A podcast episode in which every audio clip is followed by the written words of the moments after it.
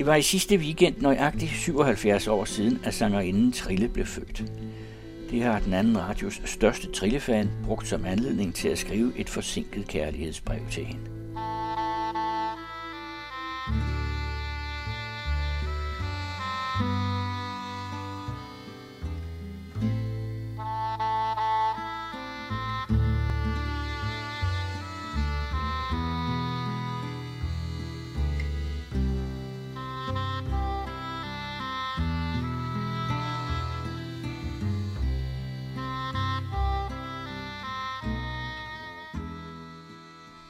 Kære Trille, det er ikke alle ting her i livet, man skal sætte ord på.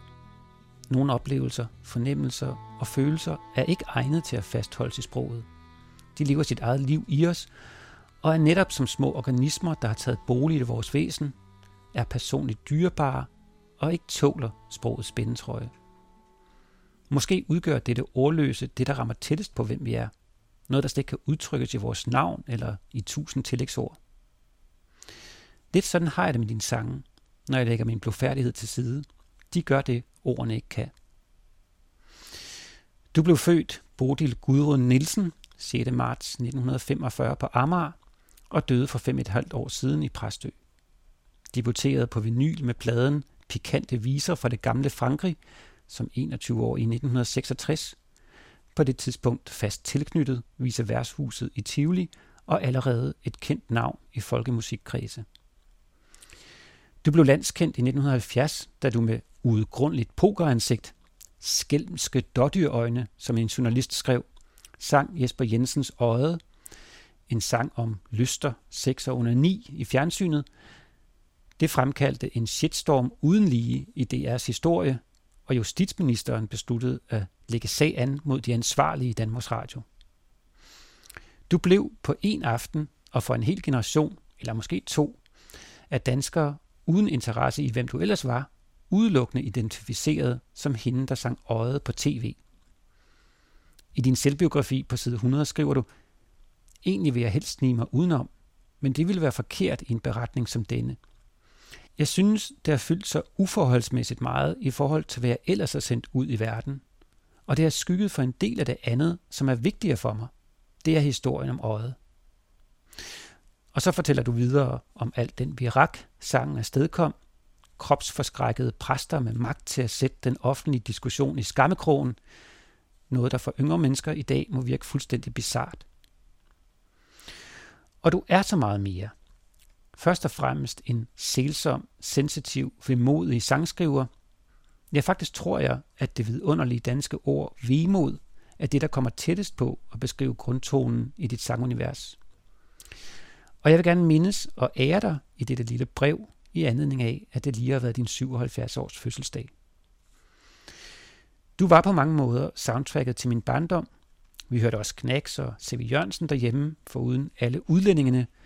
Men når min mor var alene hjemme, og det var hun tit, jeg har tre søskende, og min far måtte tage tre jobs for at få enderne til at mødes, ja, så var Trille tit på gramofonen. For min mor, og senere også for mig, var det hverken de pikante viser, folkemusikken eller opgøret med hyggeleriet i øjet, der tiltalte os. Det var musikken og billederne og ømheden og humoren og en ofte melankolsk grundstemning. Hvis man en gang har været hugt af dit univers, så glemmer man ikke så let hverken Brit ved samlebåndet på Tuborg. Jeg kan huske båndet, jeg stod ved på Tuborg i 69. Jeg var fuldstændig udkørt og slatten Af arbejdets skærende pres Fuldstændig udkørt og slatten Af arbejdets skærende pres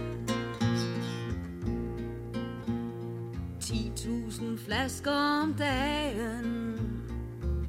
Jeg stod ved siden af Brit Hun var egentlig dejlig hendes liv var et mareridt. Enlig og dejlig. Inderne over færgen mellem Sjælland og Fyn. Om det nu var mod Fyn eller Sjælland, ja det kan jeg ikke huske mere. De få, der var sad artigt spredt rundt i salongen, mig og nogle mænd Undervejs sad vi og gloede på hinanden. Man kan ikke lade være Når man sidder der Som på et tegn studerer alle spisekortet. Det er nøjagtigt man til sidst. Og alle tager en tung beslutning og bestiller Nøjagtigt det samme som sidst. Jeg kigger ud for dog at se på noget andet Der ender på træk. Højt himlen eksercerer de blinde Mund de dog ved hvor de skal hen? Hvad mund de egentlig ved om afstande og vinde? Mund de ved det er jagtsæson igen? Og de ser næsten ud som tåber som de tumler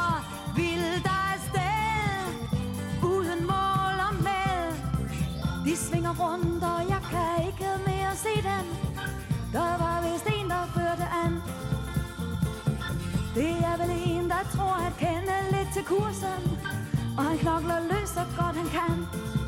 For han er sikkert angst for ikke at kunne klare At være den der kan klare alt. Knud, der ikke vil med en tur til Frankrig og Paris. Det passer altså dårligt lige nu. Siger du, du har glemt alt det, du skulle Og jeg kan da godt se, det passer allerhelvedes dårligt for dig nu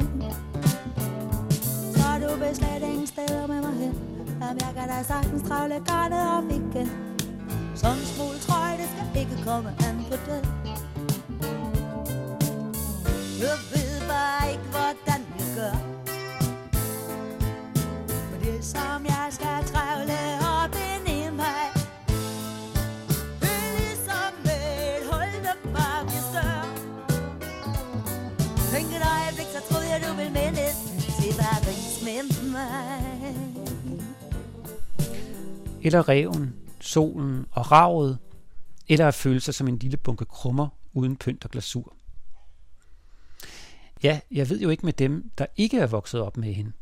Men ud over alle billederne og stemningerne, som rimer så nært på mine egne sensibiliteter, og som selvfølgelig handler om den tidsånd og de menneskelige værdier, som jeg fik ind med modermælken, så synes jeg, at du er mere end bare tidsånd. Sangene er følelsesmæssigt eviggrønne, og så svinger musikken helt forbandet godt. Ikke så underligt, det er jo nogle af tidens bedste musikere, du har med på pladerne.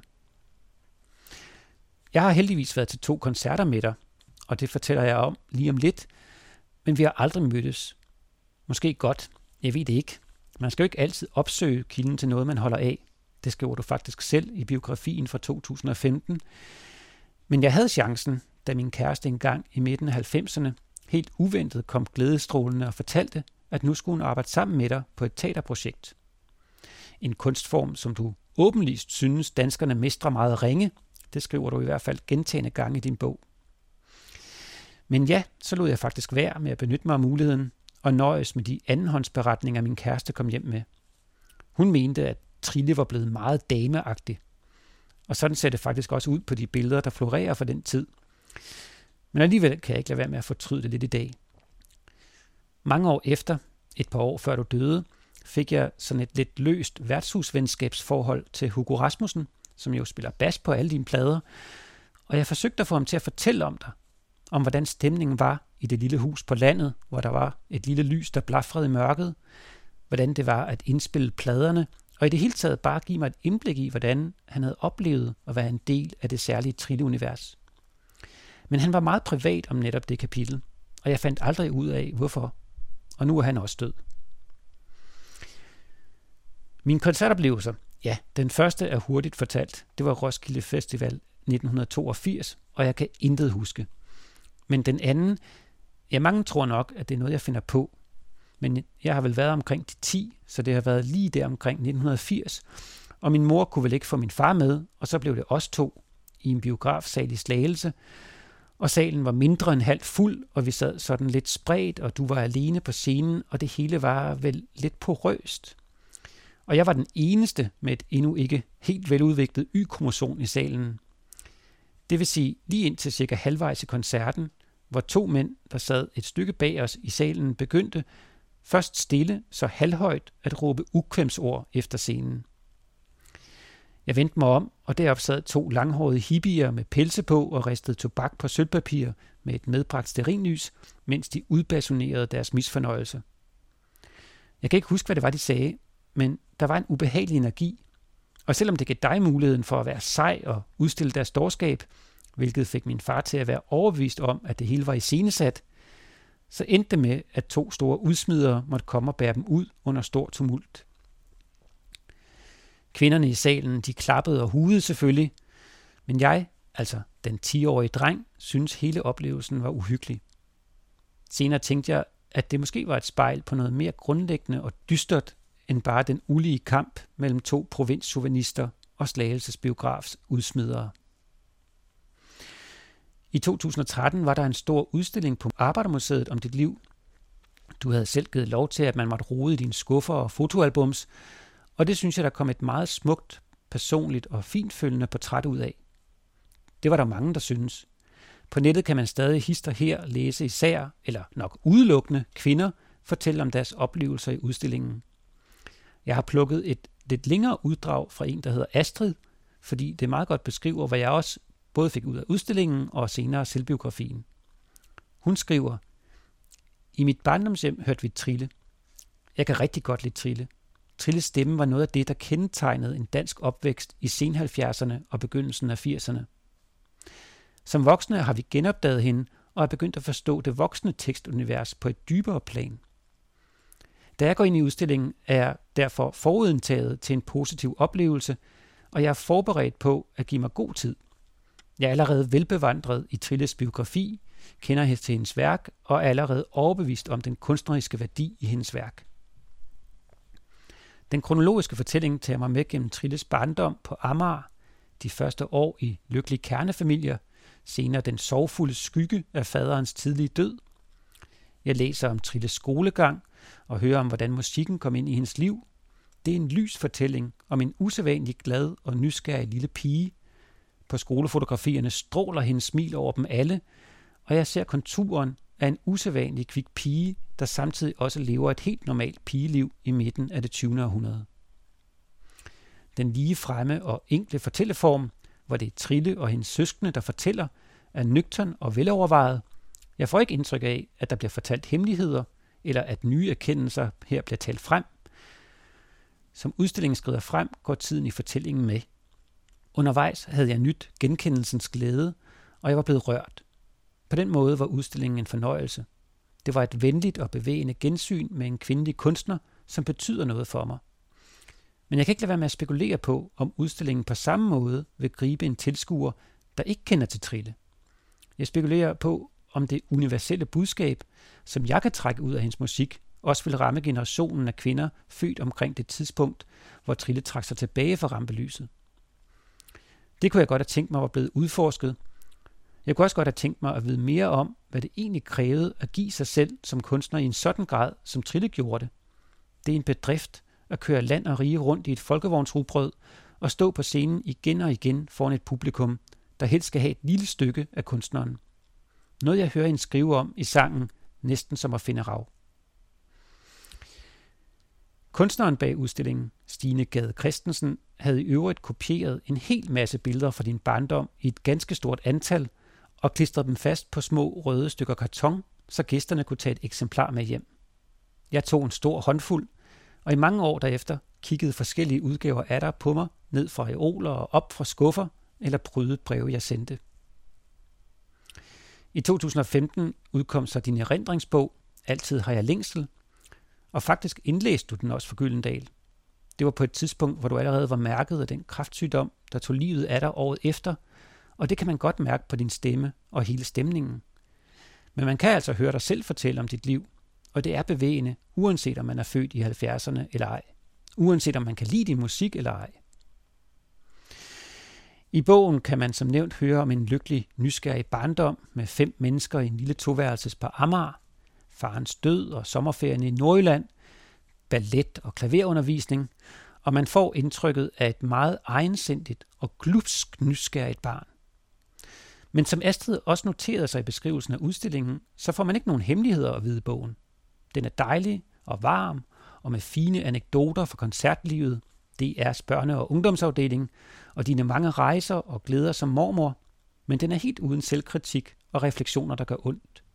Man får for eksempel aldrig helt fat i præcis, hvilke følelser der var på spil, da du som 19-årig gymnasiepige fik en næsten 20 år ældre familiefar til at forlade sin kone og to små børn.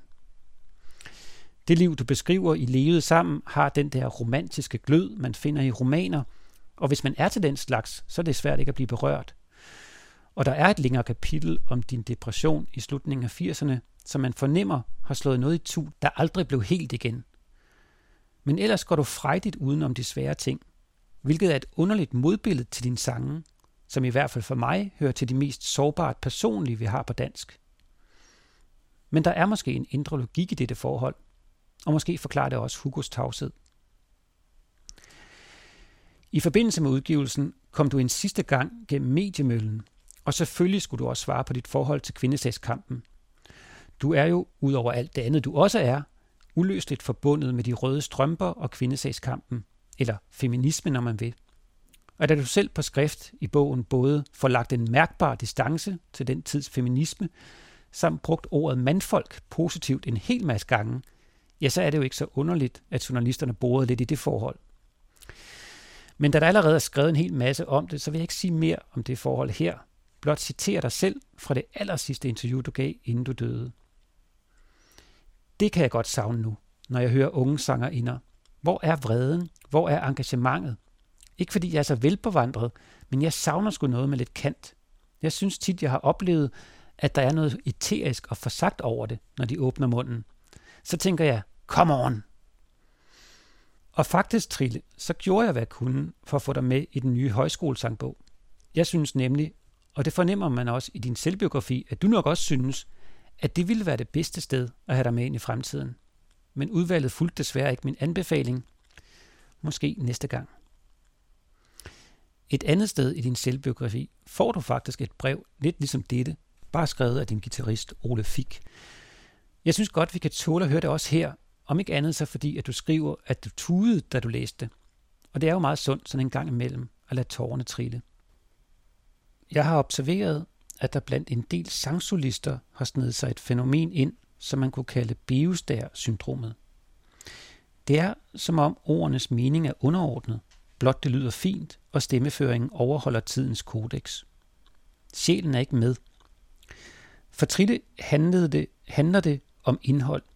Ikke kun i studiet, men også på scenen sang Trille sin sange, ikke som skønsang og med frie øvelser på gulvfraseringer, men direkte og med en nerve, der går lige under huden.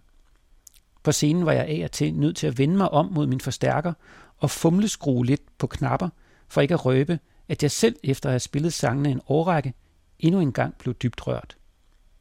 Udtrykket og indholdet var og er en og samme ting. Lyrikken og kompositionen født samtidig og uløseligt knyttet til hinanden. Det var sange som Hvis du ikke fandtes, Bange for at blive til en sten, Danmark, Næsten som at finde rav, Et lille lys i mørket, og så skriver Ove Fik i parentes, hvorfor nævner jeg ikke bare dem alle sammen? Der for alvor fik mig til at forstå Trilles store betydning som forfatter og komponist. Kort tid efter udgivelsen af Hjemlige Eventyr i 1988 valgte Trille at stoppe med musikken. Der åbnede sig et mørkt krater på størrelse med Grand Canyon for mine fødder. Jeg vil slutte denne lidt fragmentariske hyldest til dig med din anekdote om, hvordan du oplevede at blive kendt og omfavnet af den tids kvinder og mænd, og at et af de møder, der havde gjort størst indtryk på dig, var, da en af landevejens farne svende, en grandvoksen mand, som du skriver, kommer op til dig og fortæller, at han altid har en pose med dine plader med, når han traver rundt. Større hyldes kan du næsten ikke forestille dig, og ej heller jeg. Ja, uanset hvilke landeveje skæbnen sender mig ned af, så ved jeg også, at du altid vil være med i min pose. Og dine sange, dem der rammer noget inde i mig, er ligesom de dyrebare oplevelser, fornemmelser eller følelser, der transcenderer sproget og bare er. Så hej søster. Håber du har det godt. Hvor end du er, kærlig hilsen Rasmus. Og der knækkede min stemme lige der. Bussen spytter hende ud i vores by. Skoletasken er så gul og lidt for ny. Mellem store stykke biler går min lille sol og smiler.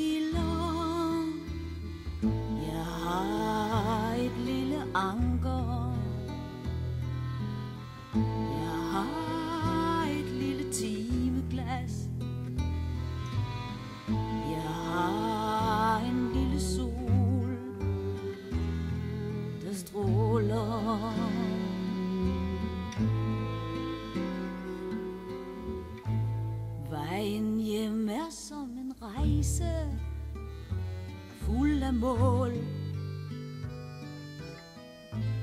Der skal ses på ost og torsk Og døde ål. Der er rækker af butikker. Hun er en trofast lille kigger. Jeg har et lille ang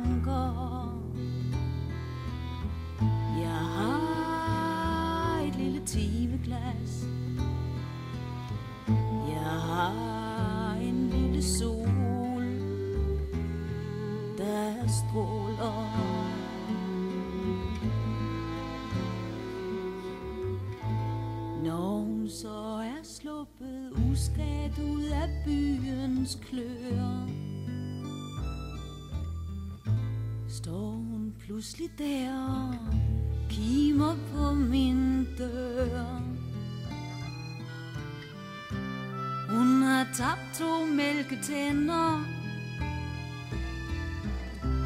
Gemmer dem et sted, som ingen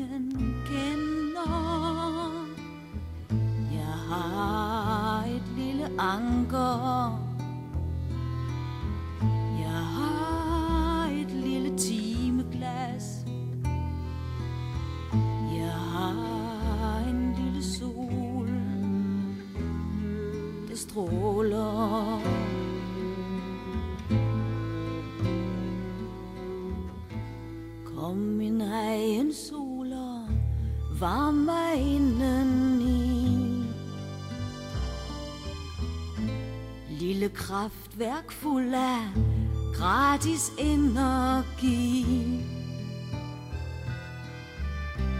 Jeg har bagt dig i min mave. Tænk en gang, at man kan lave sit eget lille anker. Sit eget lille timeglas. Sin egen lille sol, der stråler.